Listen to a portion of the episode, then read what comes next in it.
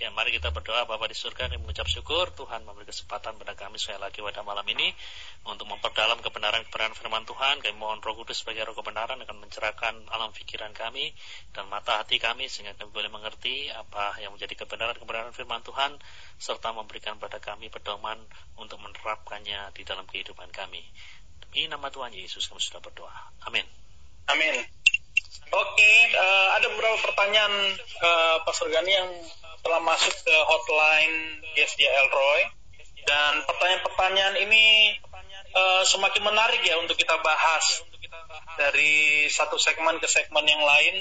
Dan saya percaya pertanyaan-pertanyaan yang akan dijawab oleh Pak Gani pada malam hari ini akan membawa kita kepada pemahaman yang jauh lebih komprehensif, jauh lebih luas, jauh lebih clear ya Oke, Pak ini Pak Gani ada pertanyaan yang pertama nih ya untuk kita bahas dan nanti Pak Gani jawab. Yang pertama, peran Yudas Iskariot dan para pemuka agama Yahudi merupakan mata rantai utama dari penggenapan rencana keselamatan Allah atau mungkinkah Allah menentukan orang-orang untuk menjadi jahat dan dibinasakan demi menggenapi rencananya? Itu pertanyaan pertama. Ya, uh, ya uh, terkait dengan pertanyaan pertama, ini sebenarnya kalau boleh dikalimatkan lagi dengan cara yang lebih singkat, dengan cara yang lebih sederhana, mungkin pertanyaan yang dimaksud oleh yang bertanya adalah apakah Yudas itu memang dari semula mem ditetapkan untuk menjadi seorang pengkhianat, mm-hmm. ditetapkan sebagai orang yang dalam tanda kutip jahat, sebagai apa ya sebagai alat untuk menggenapi apa yang menjadi tujuan Allah sebagaimana telah dinubuatkan di dalam bagian-bagian yang lain dalam kitab suci. Uh, itu yeah. mungkin pertanyaannya seperti itu. Jadi yeah. uh, pertama-tama uh, saya akan menjawabnya begini. Uh, apakah Yuda sendiri uh, mempercayai bahwa dirinya adalah seorang yang memang ditentukan untuk menjadi seorang pengkhianat itu loh. Uh, atau dengan kata lain, apakah Yudas memandang dirinya seperti pion yang dimainkan oleh seorang grandmaster, di mana dirinya sendiri tidak bisa berbuat apa-apa ya mengalir saja, mengikuti apa yang menjadi kehendak sang grandmaster. Nah, saya pikir mungkin bukan itu yang dimaksud. Karena sekali lagi patokan kita adalah dalam kitab suci sendiri, ya. Jadi kalau kita lihat di dalam Matius 27 ayat 4, kalau kita lihat ya, di dalam Matius 27 ayat 4, coba kita baca bagian itu, Matius 27 ayat 4. Di dalam Matius 27 ayat 4 dikatakan eh, dan dan berkata dan berkata. Yang maksudnya dan berkata ini adalah Yudas berkata ya. Yeah. aku telah berdosa karena telah menyerahkan darah orang yang tak bersalah. Nah jadi perhatikan baik-baik. Jadi kitab suci sendiri mengatakan bahwa Yudas sendiri memandang bahwa dirinya yang bertanggung jawab. Mm-hmm. Yudas sendiri. Eh, Matius 7 ayat 4 dengan jelas mengatakan aku telah berdosa. Yudas tidak mengatakan Tuhan membuat saya berdosa gitu loh Tuhan membuat saya seperti ini. Atau kalau mau lebih kasar lagi ya, oh, setan membuat saya seperti ini gitu loh. Malah malah dia sendiri tidak menyebut bahwa setan berada di balik ini semua ya. Yeah. Yang menarik adalah bahwa dia sendiri mengakui bahwa itu adalah uh, sesuatu yang dia rancang sendiri, sesuatu yang dirinya sendiri bertanggung jawab sepenuhnya. Uh, dalam kaitannya dengan menyerahkan Yesus. Jadi sekali lagi, apakah kita memandang Yudas itu sendiri sebagai pribadi yang istilahnya seperti pion di tangan Grandmaster di mana dia sendiri tidak bisa berbuat apa-apa. Tampaknya di dalam kitab suci nggak seperti itu. Yang kita lihat di dalam kitab suci khususnya dalam Matius 27 ayat 4 itu kita melihat pengakuan Yudas sendiri. Yeah. Bagaimana dirinya sendiri di bahwa dirinya bertanggung jawab penuh terhadap apa yang dia lakukan. Nah, jadi sekali lagi di sini kita melihat bahwa uh, saya tidak percaya dengan konsep bahwa Yudas telah ditentukan dari semula untuk menjadi pengkhianat uh, atau dalam bahasa kasarnya Yudas telah dipredestinasi dari sejak awal untuk menjadi seorang pengkhianat. Ya, enggak. Jadi yang saya lihat di sini adalah bahwa uh, Tuhan di dalam kemahatauannya tahu siapa-siapa yang akan setia, siapa-siapa yang tidak akan setia, siapa-siapa yang akan gagal dan siapa-siapa yang akan berhasil. Mm. Dalam kasus murid-muridnya, Yesus tahu bahwa Petrus akan menyangkal dia sebanyak tiga kali. Dan Yesus tahu juga bahwa Yudas akan mengkhianati dia. Tetapi bukan berarti bahwa dia yang membuat Yudas untuk mengkhianati dia. Gitu. Yudas dengan kesadaran sendirinya sendiri, atas pilihannya sendiri, eh, menyerahkan Yesus untuk menjadi eh, tawanan orang-orang Farisi dan kemudian pada akhirnya disalibkan pada hari Jumat Agung. Nah, hmm. jadi ya, jadi di sini yang terjadi bukanlah predestination, yang terjadi bukanlah predestinasi, tetapi yang saya lihat di sini adalah apa yang di dalam bahasa Inggris disebut dengan foreknowledge, pengetahuan sebelumnya. Tuhan di dalam pengetahuan sebelumnya tahu persis siapa-siapa yang akan mengkhianati dia, siapa-siapa yang akan setia kepadanya. Ya, ya. Oh, ini ada jawaban ya. yang yang sederhana. Ya, silakan. Ada pertanyaan yang berkembang ini ya, Pastor Gani. Nah, seandainya misalnya nih, misalnya nih, uh, Yudas Iskariot ketika dia mengakui kesalahannya, kalau dari ayat yang kita baca tadi, apakah ada kemungkinan Yudas Iskariot juga diselamatkan? Ya, dalam ya, secara dalam tanda kutip dalam rencana Allah itu. Secara hypothetically, hypothetically maksudnya ya secara hipotesis ya sudah pasti selalu ada eh, jalan pengampunan bagi Yudas. Hanya masalahnya adalah Yudas tidak pernah menempuh jalan itu. Jadi kasus Yudas sama sebenarnya dengan kasus Petrus. Kedua-duanya sama-sama dalam tanda kutip mengkhianati Yesus. Hanya pengkhianatan Yudas jauh lebih dramatis ketimbang pengkhianatan Petrus. Tapi jalan yang ditempuh oleh dua orang ini berbeda. Yang satu berbalik eh, dan kemudian menjadi seorang pilar gereja, menjadi tokoh gereja yang bernama Petrus yang pada akhirnya juga mati syahid di Roma. Nah, tapi tidak demikian dengan Yudas. Ya, Yudas menyia-nyiakan jalan anugerah itu dan akhirnya dia justru menempuh jalan yang fatal. Dia bunuh diri. Nah, jadi kalau ditanya apakah ada pengampunan untuk Yudas, ya sebenarnya secara hypothetically ada. Nah, hanya masalahnya adalah jalan itu tidak pernah ditempuh oleh Yudas. Jadi pada akhirnya jalan itu hanya sekedar saya kayak ya, saya, saya, kita hanya bisa mengatakan secara hipotesis sebenarnya Yudas bisa saja diampuni. Hanya masalahnya dia tidak pernah mendapat eh, dia masalahnya dia tidak pernah mengambil jalan pengampunan itu. Gitu Hmm. Ya itu jawaban saya.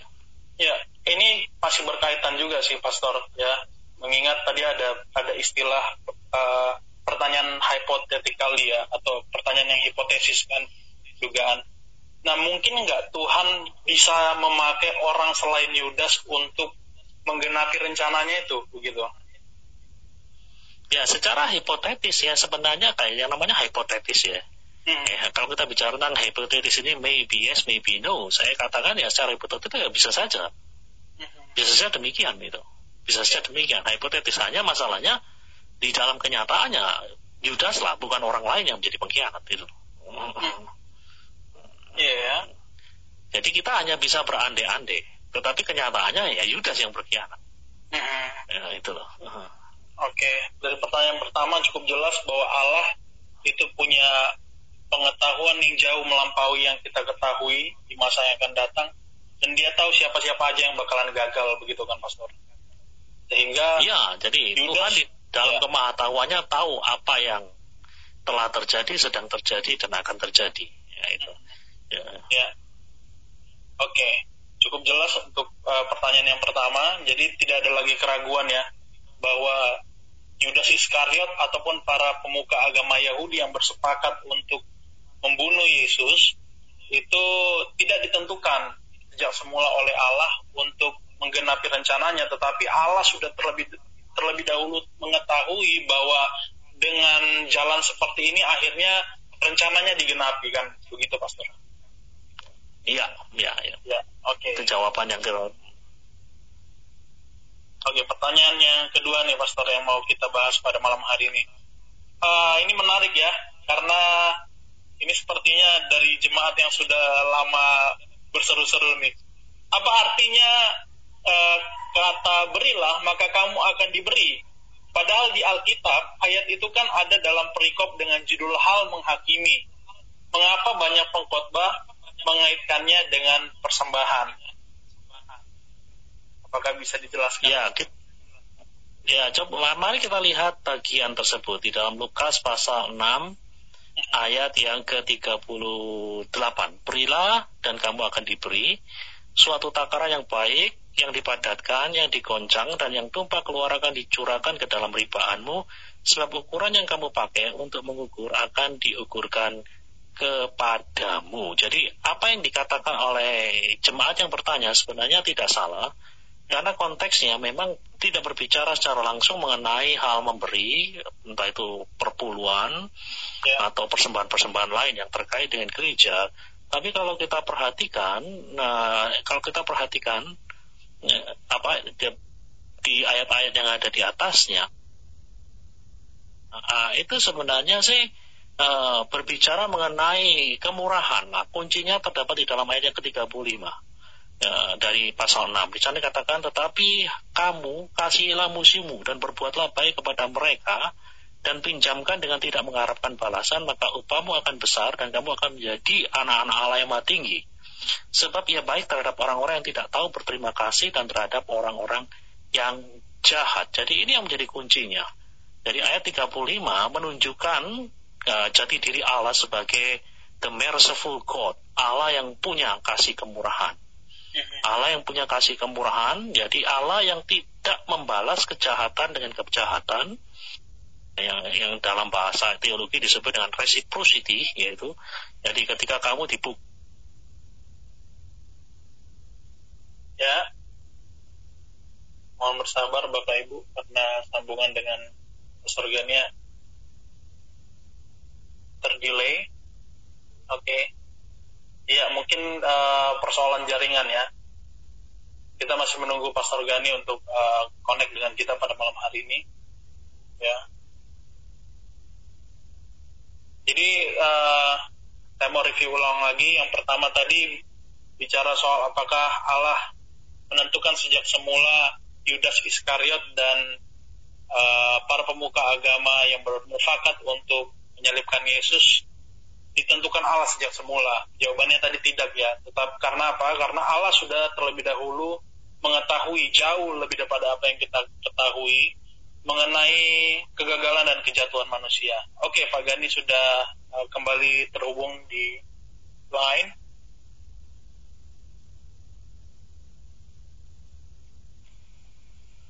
Halo? Oke, ya, ya oke. Okay. Sinyal, sinyal ini, Pastor, sorry. Iya mungkin di sana yang sinyal ya kalau di Malang sih bagus ya nggak hujan. Di sini juga bagus Pak. Iya. Mungkin di pertengahan jalan ya. Karena PSBB ya, ya jadi.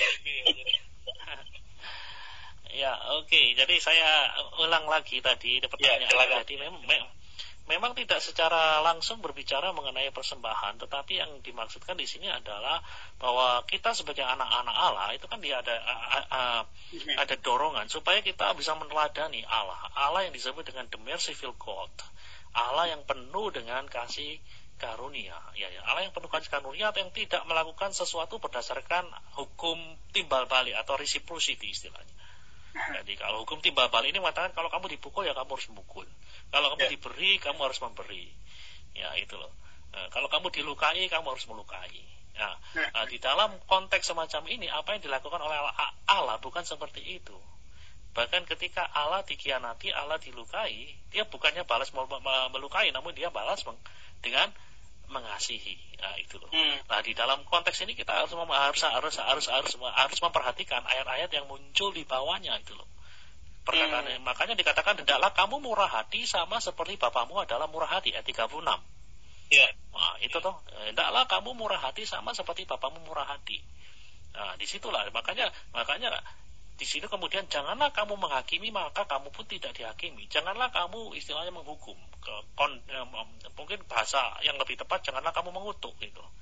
Janganlah kamu mengutuk, maka kamu pun tidak akan dikutuk. Ampunilah, maka kamu akan diampuni. Ah, nah ini sekali lagi, ini konteksnya mungkin berbicara mengenai orang-orang yang dirugikan gitu loh. Nah, jadi orang-orang ada orang-orang percaya yang dirugikan. Pokoknya di, di, di, diperlakukan dengan tidak benar lah. Nah, kemudian ya dorongannya adalah ya ketika kamu uh, dihadapkan pada hal yang semacam ini, jangan kamu balas itu loh. Jangan kamu balas dengan hal ya, contohnya ya, ya seperti ini. Jangan menghukum, jangan menghakimi, namun justru ampunilah gitu loh. Nah, kata berilah dan kamu akan diberi suatu takaran yang baik ini sebenarnya ya tidak banyak tidak tidak terkait secara langsung dengan dengan dengan persembahan gereja tidak terkait dengan perpuluhan dan sebagainya. Ini lebih terka, lebih terkait dengan kemurahan hati. Berilah ini maksudnya adalah ya berilah sesuatu berilah berilah kasih secara berlimpah-limpah. Ini kan konteksnya kan ada orang yang ya. dirugikan. Contohnya saja um, ya, contohnya katakanlah mungkin dari dari dari dari dari dari sudut pandang ekonomi ya, ada seorang yang pinjam uang pada saya dan kemudian dia tidak mengembalikan dan kemudian dia berbicara mengenai hal-hal yang buruk mengenai diri saya. Lah itu loh. Lalu kemudian respon saya bagaimana? Respon saya saya tidak akan saya, firman Tuhan mengatakan kamu harus punya kemurahan hati. Kemurahan hati maksudnya apa ya jangan kamu hakimi jangan kamu memberikan penghakiman jangan memberikan penghakiman kepada dia jangan mengutukin dia gitu loh. Namun berikan pengampunan nah gitu loh berikan pengampunan berikan sesuatu yang lebih gitu kalau orang percaya disakiti dihakimi Ya, mereka akan membalas menyakiti, menghakimi. Namun kalau orang percaya enggak seperti itu. Orang percaya tidak akan menghakimi balik, tidak akan memukul balik. Namun justru akan memberikan sesuatu yang lebih daripada itu. Nah itulah ya dalam konteks inilah ayat ini harus dipahami. Berilah dan kamu akan diberi suatu takaran yang baik yang dipadatkan. Maksudnya uh, takaran yang baik itu maksudnya ya, ya jadi istilahnya kalau kamu bisa memberikan kebaikan itu berilah sebanyak mungkin kebaikan itu. Nah, itu kebaikan ya. untuk menunjukkan bahwa dirimu itu sama seperti Bapakmu di surga yang penuh dengan kemurahan.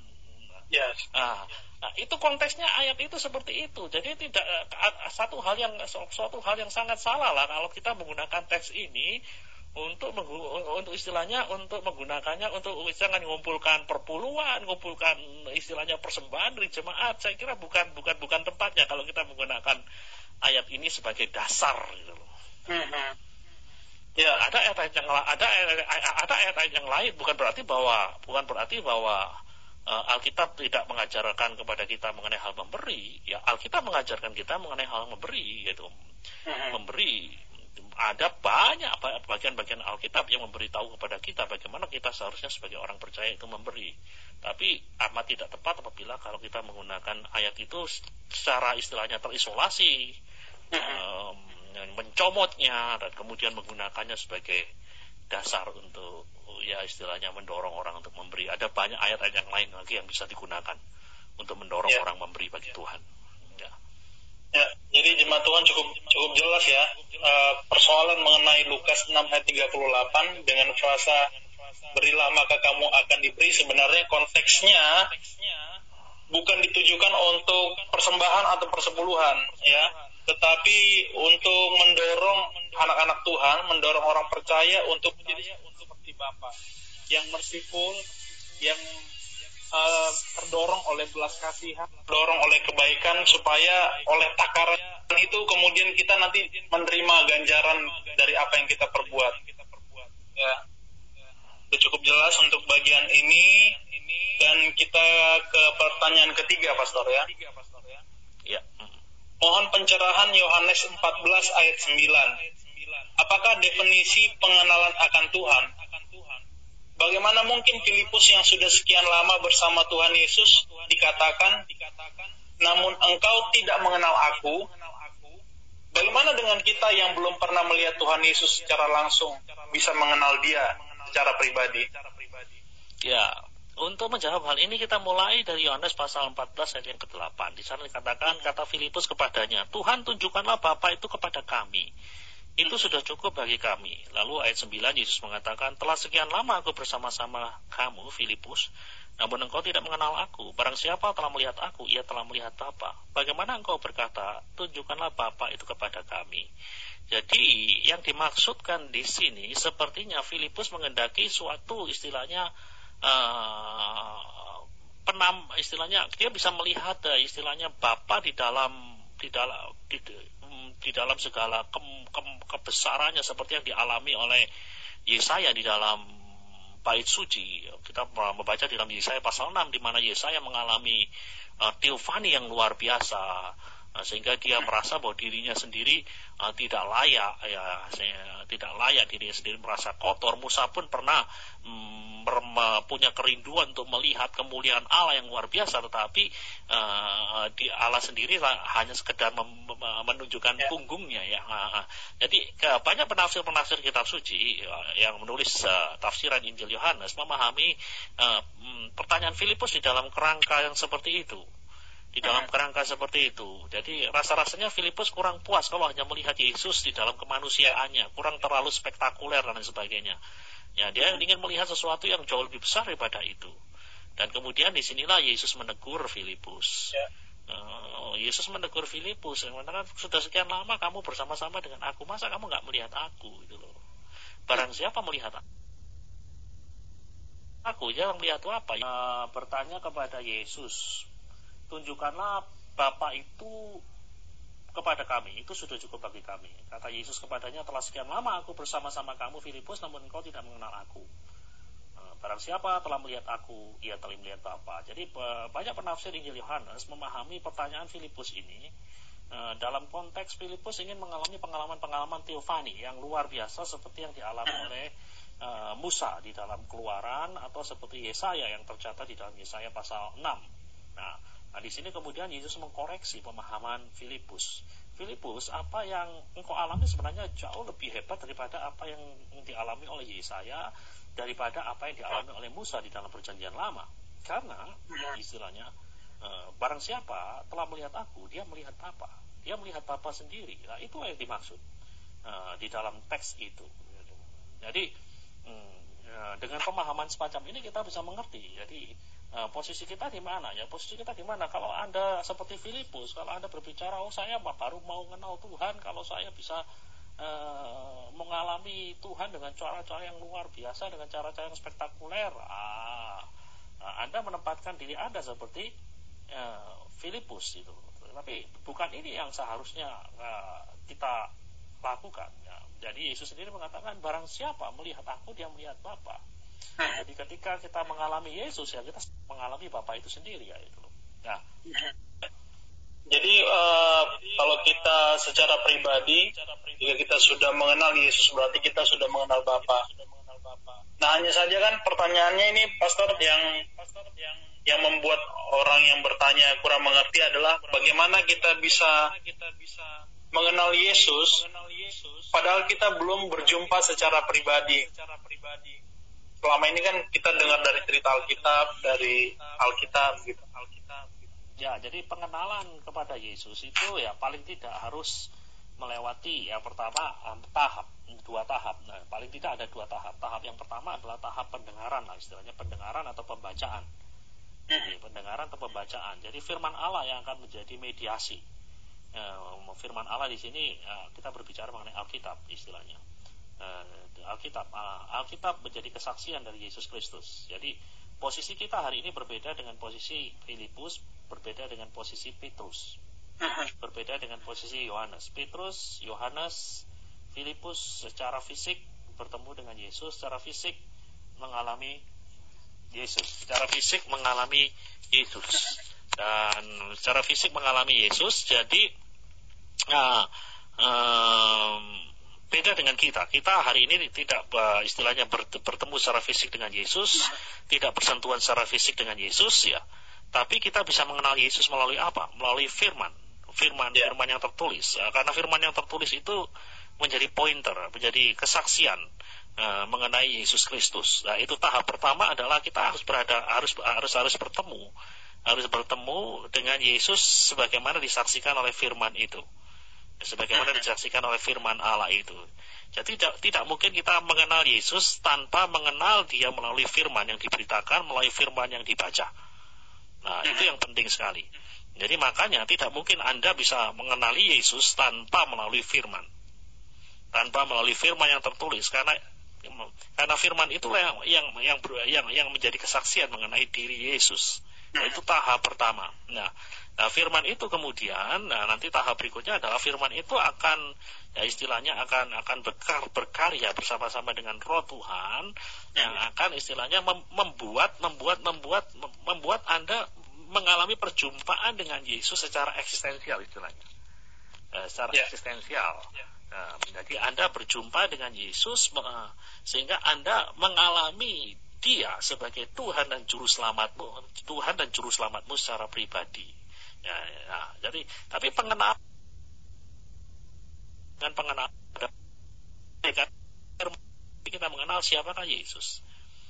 Nah, jadi, jadi setelah pemahaman mengenai firman itu e, didapatkan, maka nantinya tahap selanjutnya adalah kita mengalami pengalaman secara pribadi jadi firman itu benar-benar istilahnya akan uh, kadang-kadang uh, kita sebagai orang Pentakosta berbicara mengenai ketika logos menjadi rema.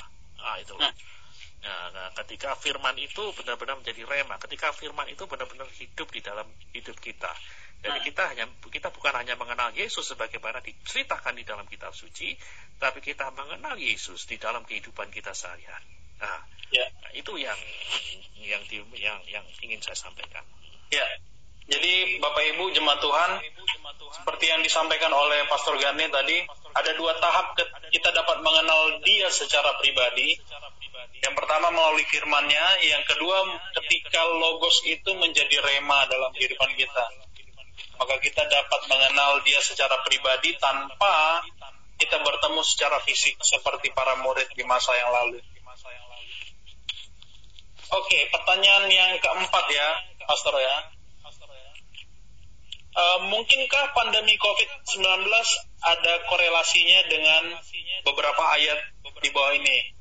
Yang pertama, Matius 28 ayat 19. Ini amanat agung ya, Pastor. Saya, saya pikir nggak usah dibaca. Uh, yang menjadi pertanyaan dari bagian ini, dia bertanya bahwa apakah ini merupakan cara Tuhan untuk membuat gereja sadar bahwa misi selama ini terkesan lamban dilakukan oleh gereja. Yang kedua, apakah pandemi COVID-19 ada korelasinya dengan Matius 24 ayat 14? Apakah ini adalah cara Allah agar agar Injil kerajaan diberitakan lewat internet atau ibadah online ke seluruh dunia? Dan yang ketiga, ayat yang ketiga yang dicuplik, ya, apakah ini merupakan cara Allah untuk mempersingkat waktu kedatangannya? Mungkinkah karena Allah tahu kalau tidak dipersingkat, maka iman anak-anaknya akan berguguran? Nah, tiga ayat ini yang dikorelasikan dengan kondisi saat ini, terutama dengan COVID-19. Apakah ini relevan, Pastor? Ya, ya semuanya, ya sebenarnya kita tidak bisa menarik uh, istilahnya garis langsung di antara COVID-19 dan uh, pemberitaan Injil. Jadi uh, sesuatu hal yang sangat, jadi uh, uh, saya kurang tahu harus ngomong apa ya, tapi yang pasti adalah uh, saya pikir bahwa ketika kita mengatakan bahwa Tuhan membuatnya seperti itu, seolah-olah kita mengatakan bahwa Tuhanlah yang membuat COVID-19 ini, itu loh. Tuhanlah yang menciptakan COVID-19 ini supaya uh, penginjilan bisa berlangsung dengan gencar dan sebagainya. Jadi saya pikir ini suatu pemahaman yang keliru lah. Mengatakan bahwa seperti uh, kalaupun Tuhan ada misi, kalaupun Tuhan ada tujuan, tujuan yang agung, tujuan-tujuan yang indah, tentu dia tidak akan melakukan cara dengan cara-cara yang bertentangan dengan karakternya. Hmm. Uh, dia, dia tidak akan melakukan dengan cara-cara yang bertentangan dengan karakternya. Karakter Allah adalah Allah sebagai pencipta kebaikan, sebagai pembuat kebaikan yang tertinggi. Hmm, Allah adalah pribadi yang, yang yang tidak mungkin membuat sesuatu yang tidak baik. Allah bukanlah sumber di balik segala penyakit. Karena kalau Allah adalah sumber di balik segala penyakit, kenapa Yesus di dalam pelayanannya harus setengah mati, istilahnya jungkir wali untuk istilahnya menghapus penyakit yang dialami oleh manusia yang ada di muka bumi. Ya, ngapain? Ngapain dia uh, harus mengalahkan, uh, harus menghapus sesuatu yang dia ciptakan sebelumnya? Nggak mungkin lah seperti itu. Jadi saya tidak uh, percaya dengan hal seperti itu. Ya, saya tidak percaya bahwa Allah ada di, di balik ini semua. Jadi kalau yang saya tangkap, ya mudah-mudahan saya keliru lah. Saya, yang saya tangkap dari pertanyaan itu seolah-olah Allah istilahnya uh, adalah dalam di balik ini semua supaya uh, penginjilan bisa berjalan dengan dengan gencar dan sebagainya. Jadi, tapi saya kurang setuju dengan konsep yang semacam itu. Nah, gitu loh. Ya, karena ya. bagi saya Allah adalah sumber kebajikan, sumber kebaikan. Tidak mungkin ada sesuatu yang buruk yang keluar dari dirinya. Kalaupun dia punya tujuan yang agung, yaitu tujuan yang agung adalah menjadikan semua bangsa muridnya, bukan berarti bahwa dia halal menggunakan hal-hal yang hal-hal atau cara-cara yang bertentangan dengan karakternya. Tidak mungkin. Ada banyak hal yang bisa dilakukan oleh Allah. Hmm. Ya, tidak harus melalui COVID-19. Jadi kita tidak tidak boleh sebenarnya mengkaitkan COVID-19 ini ya, secara, secara secara langsung entah itu dengan akhir zaman lah, entah itu dengan dengan dengan perbuatan Tuhan lah dan lain sebagainya lah. Enggak ya COVID-19 ini saya katakan ya terjadi karena ya kecerobohan manusia karena manusia yang ya, di dalam pemahaman uh, Sin Agustin disebut dengan misdirected love kasih yang salah arah. Manusia punya kasih, harusnya punya kasih yang benar pada Tuhan pada sesama dan kepada makhluk-makhluk yang lain. Tetapi mereka tidak melakukan itu ya akibatnya adalah ya mereka menuai apa yang mereka tabur ya, mereka meru, mem, mem, tidak menjadi steward, tidak menjadi penata layan hmm. alam yang baik. Sehingga akhirnya ya penyakit penyakit yang sebenarnya menjadi bagian dari binatang, saya sebut adalah COVID-19 adalah bagian dari apa yang saya sebut dalam ilmu pengetahuan disebut dengan zoonosis, hmm. yaitu penyakit yang ada di dalam hewan sebenarnya pada mulanya, tidak dijumpai dalam manusia. Tapi karena manusia rakus makan makanan yang seharusnya dimakan, ya akhirnya ya penyakit itu uh, menghantam dirinya. Ya, jadi kita, kita tidak harus mengkaitkan ini dengan dengan dengan dengan dengan Allah itu loh. Dengan, hmm. dengan dengan Allah dan proyek-proyeknya ada banyak cara yang bisa dilakukan oleh Allah. Allah adalah pribadi yang sangat kreatif. Tidak mungkin dia melakukan cara-cara yang bertentangan dengan karakternya. Itu yang saya yakini. Ya, cukup jelas ya uh, jemaat Tuhan yang dikasih Tuhan bahwa malapetaka tidak serta merta kita dapat mengaitkannya dengan ayat-ayat akhir zaman ya. Jadi uh, Allah mengerjakan rencananya dengan caranya Tuhan. Ya, caranya sendiri. Tanpa ya, harus cara itu tidak ya. bertentangan ya. dengan karakternya. Ya, tanpa bertentangan dengan karakternya. Ya, cukup jelas ya untuk kita pada malam hari ini. Pertanyaan kelima, ya ini menarik nih Pastor karena pertanyaan ini dalam bentuk audio. Nah, dia mengaitkan apakah benar rumor vaksin imunisasi yang diproduksi oleh Bill Gates Foundation di Amerika adalah bagian dari tipuan setan sehingga dapat menggantikan DNA manusia DNA darah Yesus yang ada dalam kehidupan kita menjadi DNA iblis. Secara khusus dia bilang DNA kita jadi DNA 666 nih, Pastor. Ya begini loh, jadi ah, kita itu jadi manusia itu harus kritis. Jadi jangan anggap bahwa YouTube itu penuh dengan informasi yang akurat. Eh, penuh dengan informasi yang sehat. Nah, itu loh. Penuh ya. dengan informasi yang betul-betul dapat dipercaya. Ada banyak informasi yang di yang ya, di YouTube itu informasi yang tidak akurat. Bahkan informasi yang dibuat sedemikian rupa uh, untuk menciptakan kehebohan dengan tujuan apa? Dengan tujuan supaya ada banyak viewer. Uh, dengan adanya banyak viewer, ya maka di situ yang memasang itu akan dapatkan banyak duit. Gitu monetize istilahnya monetize, monetize. Nah, itulah, nah inilah bahasa yang saya lihat ada banyak orang-orang Kristen begitu bodoh dalam tanda kutip ya maafkan saya dengan kata yang kasar dengan kata yang kasar semacam ini karena kenyataannya memang seperti itu Nah, seperti istilahnya katakanlah Bill Gates menciptakan vaksin. Bill Gates tidak menciptakan vaksin. Bill Gates itu hanya mendanai sebuah proyek. Uh-huh. Sebuah proyek, proyek pembuatan vaksin. Nah, dan dikatakan kalau saya dengar dari pertanyaan yang ada di saya itu seolah-olah vaksin itu sudah ada itu Nah, sebenarnya vaksin itu belum ada. Saudara ca, uh, saudara cari di universitas-universitas terkemuka di dunia di Oxford University, di MIT, di MIT itu uh, belum ada yang namanya vaksin yang bisa bisa bisa bisa menyebabkan virus corona itu uh, uh, bisa ditangani dengan baik belum ada itu hari ini saya baca Melinda Gates uh, berkata bahwa ya kalau kita beruntung mungkin kita bisa dapatkan vaksin itu akhir tahun ini kalau kita beruntung kalau kita beruntung nah itu loh Mm-hmm. Untuk membuat vaksin itu proyek-proyek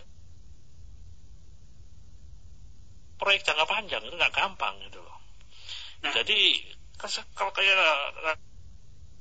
uh, hal jadi jangan kemudian percaya seperti itu. Kemudian uh, vaksin merubah DNA. Ya. jadi, jadi kalau Anda bukan seorang expert, jangan ngomong macam-macam itu loh. Apalagi menakut-nakuti jemaat dengan cara yang seperti itu loh. Uh, eh, DNA Tuhan diubah jadi DNA setan. Eh, eh dasar ilmunya bagaimana? Lalu kehendak bebasmu di mana? Nah itu loh. Jadi hal, se, hal semacam ini yang harus harus harus dikritisi. Jadi Eh, tidak kita tidak boleh ngawur. Tidak semua informasi yang berasal dari YouTube itu benar gitu loh. Tidak semua informasi yang berasal dari sosial media itu benar. Jadi gampang aja untuk menguji kebenarannya gampang saja gitu loh. Tinggal diketik, ya, kemudian dilihat nanti ada nggak yang anti statement itu? Anti statement itu didukung dengan fakta-fakta yang bagus nggak? Kalau didukung dengan fakta-fakta yang bagus ya diikuti gitu loh.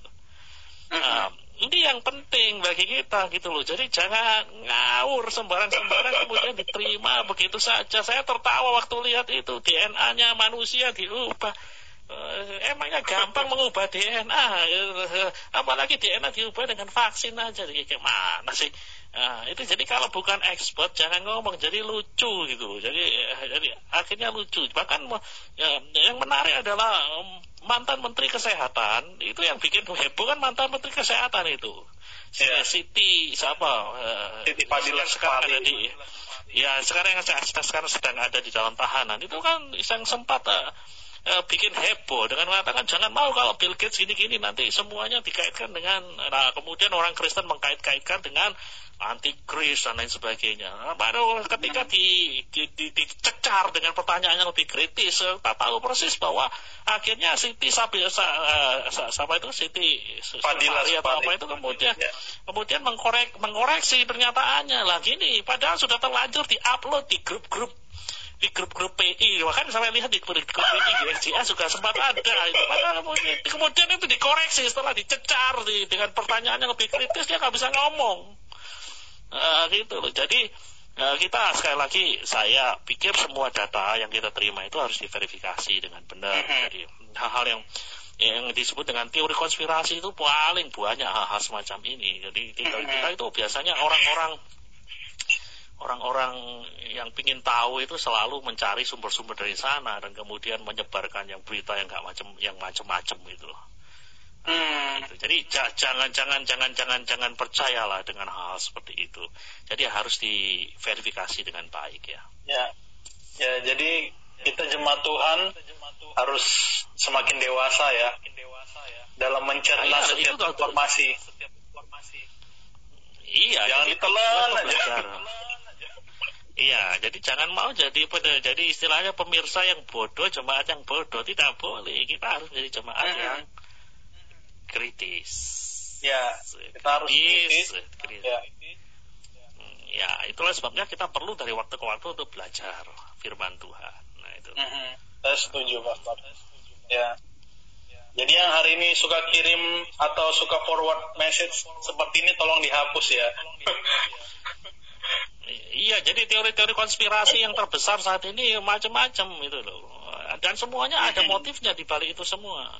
Ya. Eh, hanya masalahnya kita nggak ngerti motivasi motivasinya apa. Ada yang nggak ada yang istilahnya gerakan-gerakan anti vaksin.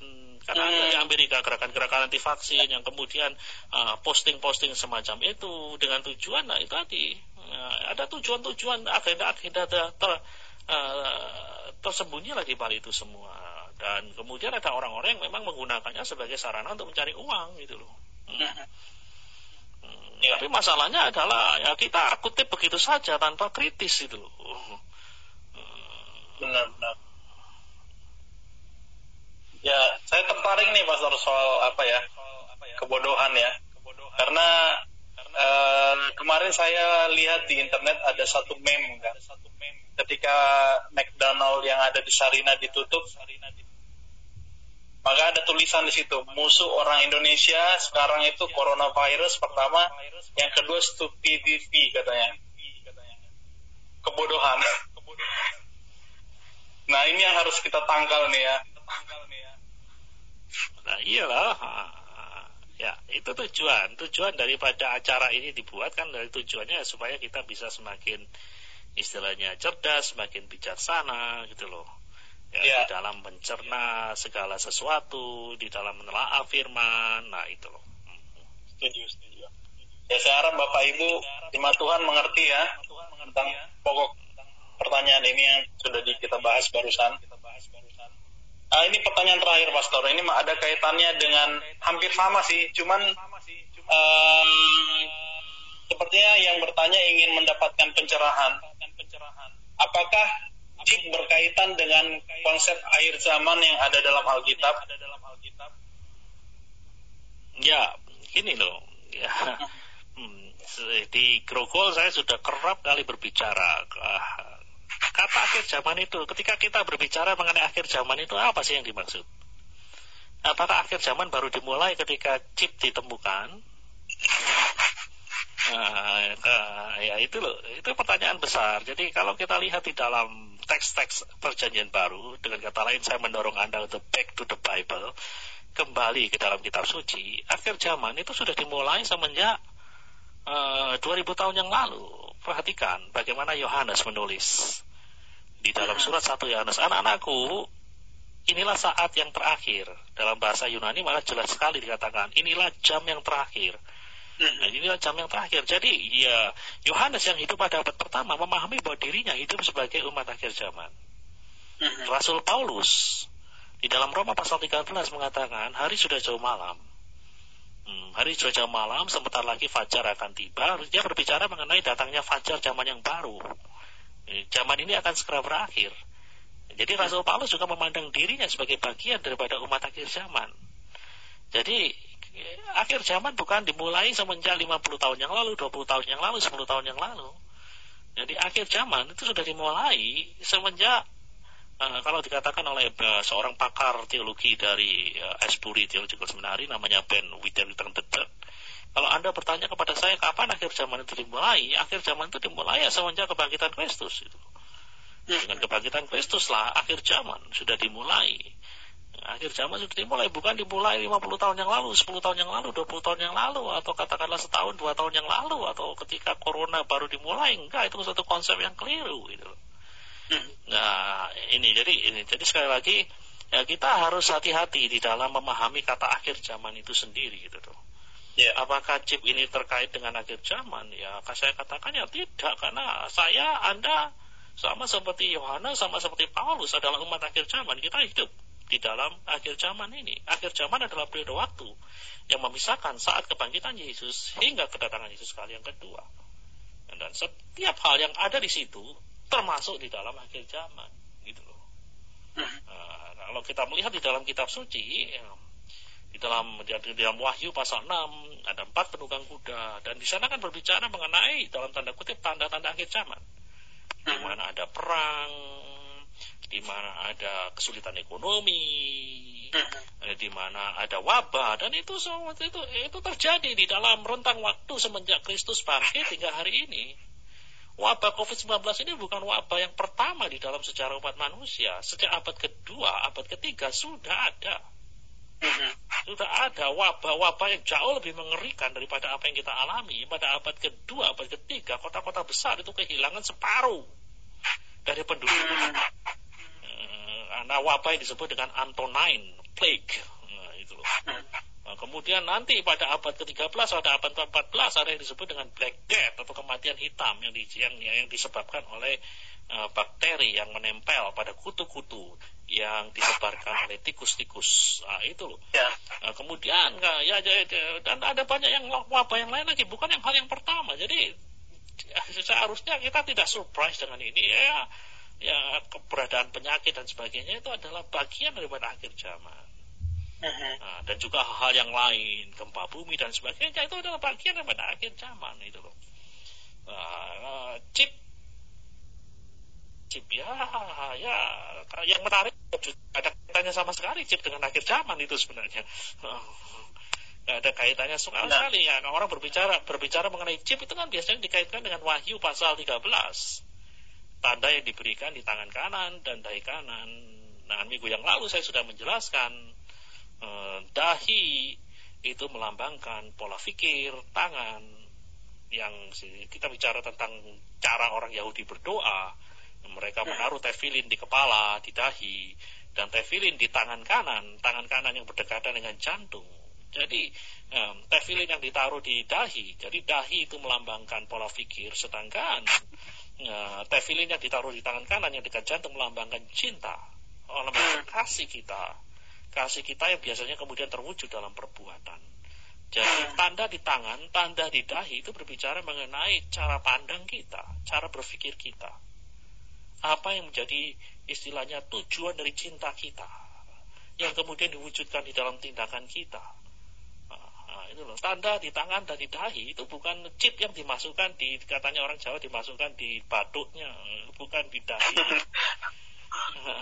Bukan ya, ya. jadi bukan itu. Jadi sekali lagi kita tidak boleh istilahnya menafsirkan ya, chip ini dalam kaitannya dengan akhir zaman. Itu sebuah konsep yang sama sekali keliru. Itu yang disebut dengan ilmu cocokologi. Mencocok-cocokkan jadi sebuah teks itu harus difahami di dalam proses penilaian yang seharusnya ada proses penafsiran yang sebenarnya yang, yang, yang sepatutnya nah, itu. Jadi jangan jangan jangan jangan kait-kaitkan dengan akhir zaman. Ada kaitannya sebenarnya. Itu kaitannya orang yang kurang kerjaan, yang kurang mengerti cara menafsir Alkitab dengan baik. Gitu. Uh, ya. Oke. Okay. Thank you Pastor ya untuk uh, jawabannya di pertanyaan terakhir ini. Ya, bahwa sudah cukup jelas tidak ada yang dapat kita kaitkan dengan fenomena-fenomena yang terjadi akhir-akhir ini dengan akhir zaman ya. Secara khusus, secara spesifik, apalagi bicara soal vaksin atau bicara soal chip. Ya dan yang terakhir yang belum saya uh, sampaikan, yang ingin saya sampaikan adalah jangan pernah mengkait-kaitkan uh, sesuatu yang terjadi di alam ini uh, secara langsung dengan Tuhan. Soalnya ini terjadi karena Tuhan begini-begini. Ingatkah uh, ada akan peristiwa yang terjadi ketika Elia lari dari Israel dari dari dari dari Isabel ya kemudian dia bersembunyi uh, di sebuah tempat dan kemudian di sana ada gambaran api, ada gempa bumi, ada angin ribut, ya loh. Api, gempa bumi, angin ribut itu kan berbicara mengenai alam. Tapi yang menarik adalah di sana dikatakan tidak ada Allah di situ. Ya, ya gitu loh. Tidak ada Allah di situ, tidak ada Allah di api itu, tidak ada Allah di gempa bumi itu, tidak ada Allah di angin yang ribut itu tidak ada. Jadi di sini kita belajar suatu prinsip yang penting sekali. Jangan gampang sekali mengaitkan peristiwa-peristiwa yang ada di sekeliling kita. Peristiwa-peristiwa awal alam yang terjadi di sekeliling kita. Termasuk penyakit, termasuk gempa bumi, termasuk tsunami. Itu dengan Tuhan langsung gitu loh. Oh, jadi Tuhan langsung ini sesuatu yang harus kita pahami gitu loh. Tidak harus dikaitkan secara langsung. Saya belajar prinsip yang sangat penting di situ. Ketika Alkitab sendiri berkata tidak ada Allah di situ, tidak ada di Allah di api, di dalam api itu, tidak ada Allah di gempa bumi itu semuanya berbicara mengenai peristiwa alam. Dan God is not there. God is not there. Allah tidak ada di sana gitu loh. Jadi ya ya ini yang penting bagi kita. Jadi sekali lagi suatu kecerobohan kalau kita berkata kalau dulu ada orang mengatakan wah tsunami ini dibuat oleh Tuhan. Itu istilahnya mengkristenkan Aceh. Nah, pertanyaannya kenapa Allah harus harus harus melakukannya dengan tsunami? Sesuatu eh, yang yang kemudian istilahnya uh, melibatkan korban ratusan ribu orang dan kemudian penderitaan yang tiada tara lah itu sesuatu yang berlawanan dengan karakter Allah sendiri. How come you think God like a monster itu? Bagaimana bagaimana yeah. mungkin uh, anda anda anda memandang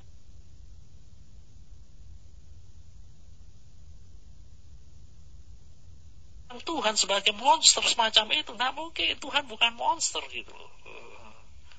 Nah, kalau, kalau dikatakan mengizinkan ya oke okay lah mengizinkan, mengizinkan dalam pengertian ya ya mengizinkan ya mengizinkan yang terjadi ya, sebagai mengizinkan terjadi namun membuat no mengizinkan namun kalaupun mengizinkan he is still under control dia dia dia dia dia dia dia, dia he is still in control dia masih yes. memegang kendali ya itu Ya, itu kira-kira yang tidak saya sampaikan. Ya. ya. Semua pertanyaan sudah terjawab pada malam hari ini. Bapak Ibu jemaat Tuhan yang dikasihi. Dan rekaman dari live talk Instagram pada malam hari ini dapat eh, kita peroleh nanti akan dikirim oleh tim hotline.